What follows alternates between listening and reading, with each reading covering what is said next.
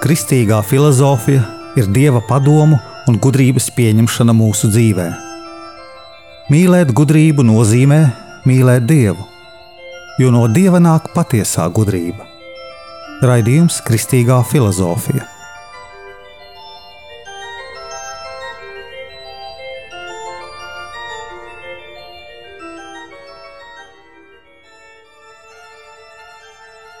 Es esmu Jānis Valtra Vitsenheims, un ar jums ir 57. raidījums Kristīgajā filozofijā.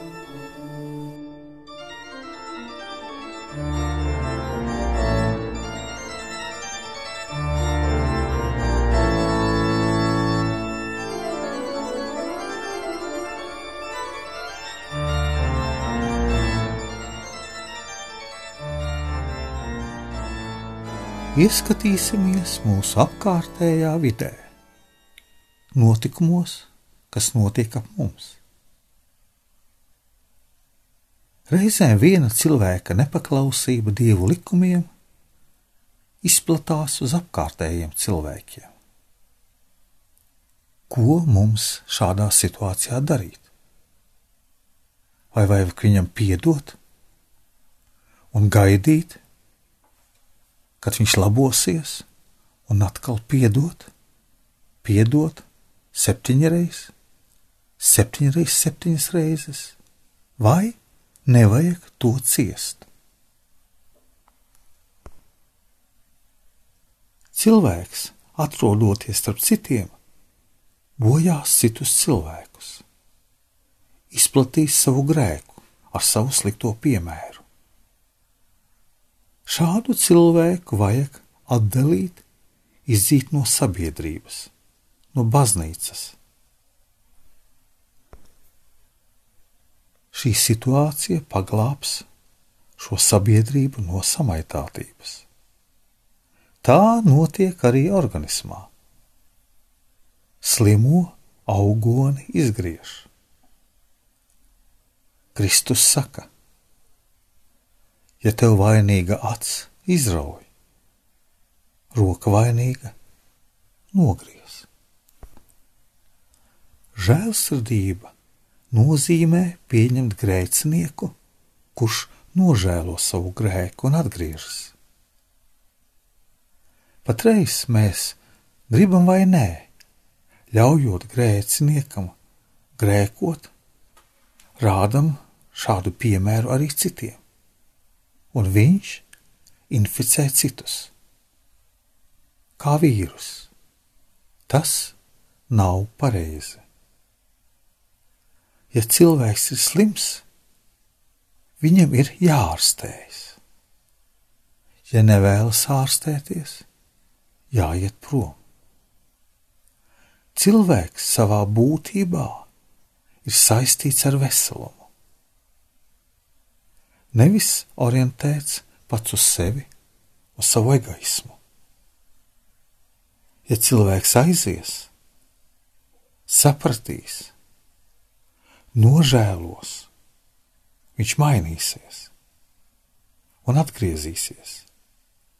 Citādi mēs būsim vainīgi par savu ģimeni, draugu, baznīcu, ko šādi cilvēki sabojās. Un ko mēs teiksim Dievam? Dievs mums par to prasīs atskaiti.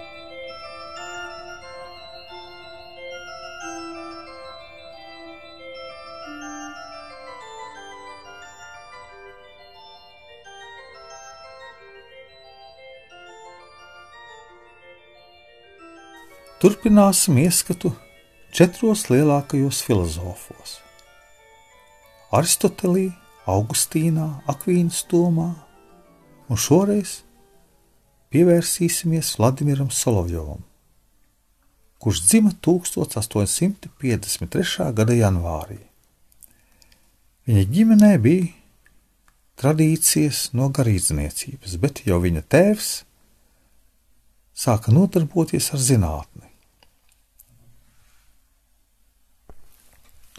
Vidējo izglītību Vladimirs Solovjovs ieguva Maskavas 5. gimnāzijā, beidzot to 1869. gadā ar zelta medaļu un tika ierakstīts gimnāzijas zelta beidzēju sarakstā. Jau gimnāzijas laikā varēja just, ka viņam ir savādāka, īpatnējāka domāšana un augsti mērķi. Viņš bija izcils ar savu skepticismu un dziļo kriticismu, aizrāvās ar reliģiju un materiālismu. Augstāko izglītību Vladimirs Solojovs ieguva Maskavas Universitātē.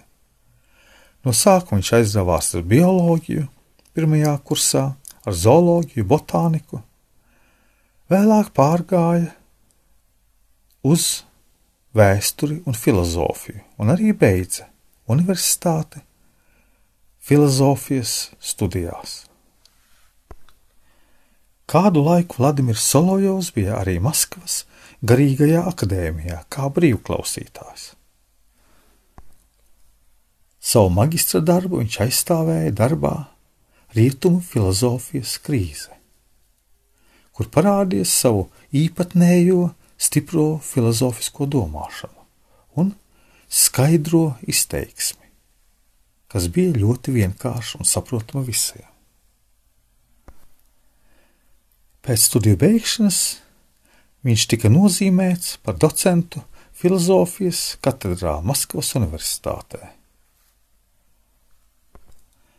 Pēc pāris gadiem viņš pārgāja pasniegt Pēterburgas Universitātē un drīzumā aizstāvēja savu doktora disertāciju 1880. gadā, kur izskatīja tādu tēmu kā ideālisma un materiālisma iesākumu.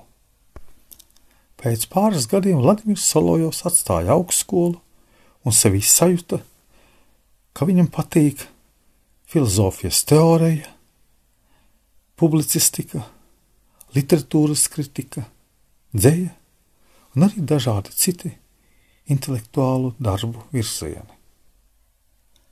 1882. un 84. gadā viņš sarakstīja darbu Garīgās dzīves pamati. Kaut gan viņš bija pareizticīgais, viņš ļoti labi sāka izprast katolisko domāšanu un ļoti pie tās turējās.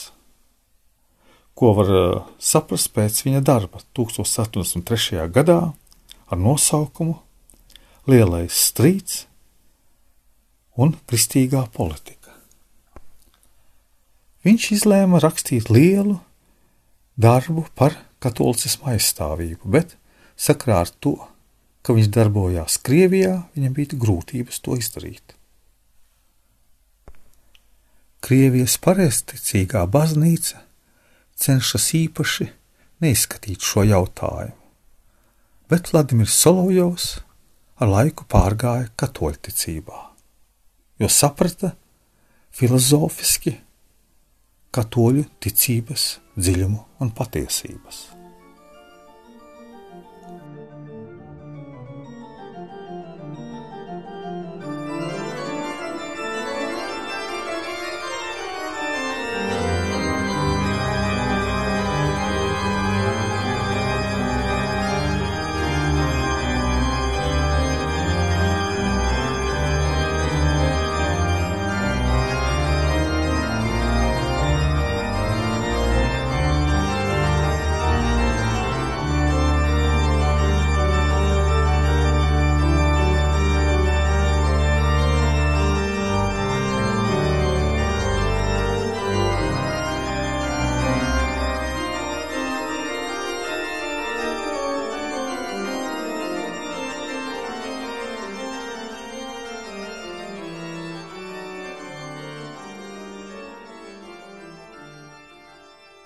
1880.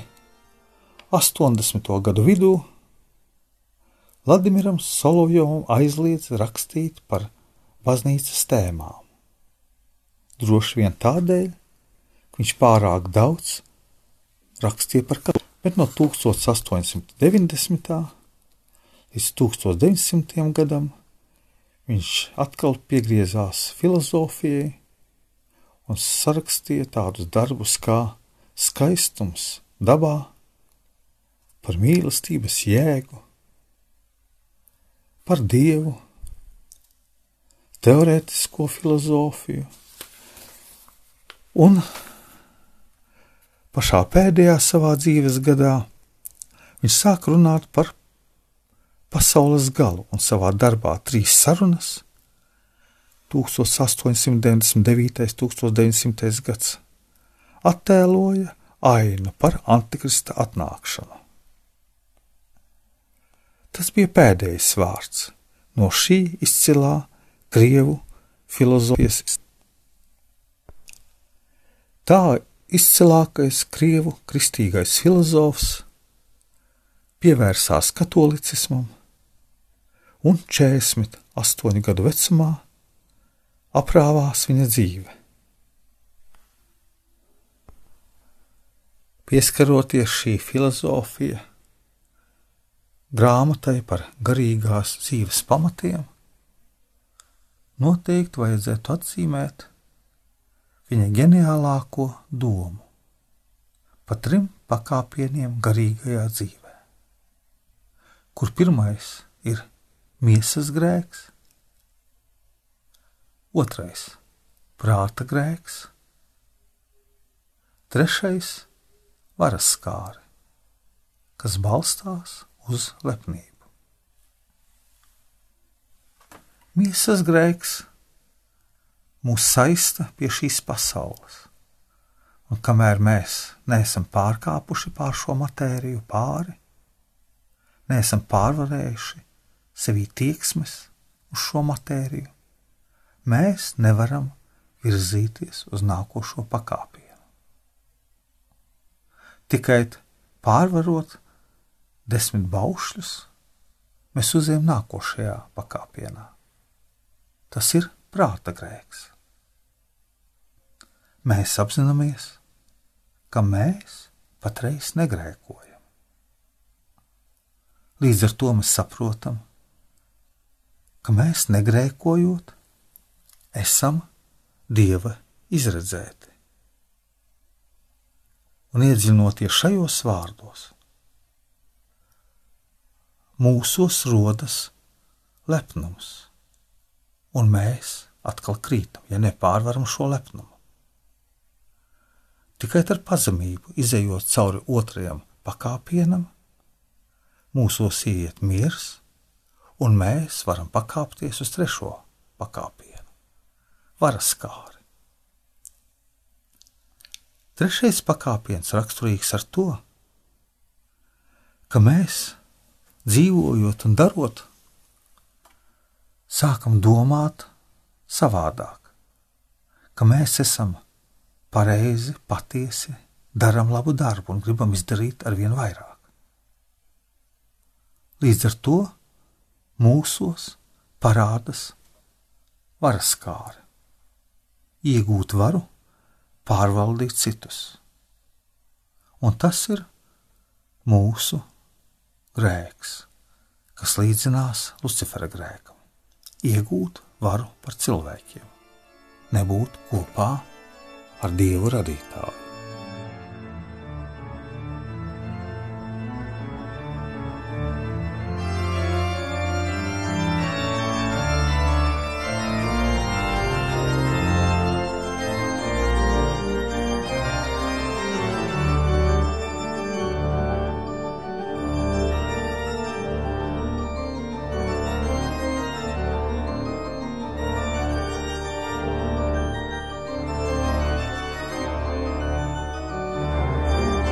Es esmu Jānis Valtra Vitsenheims, Jeruzalemes Kristus kapa ordeņa brīvnieks.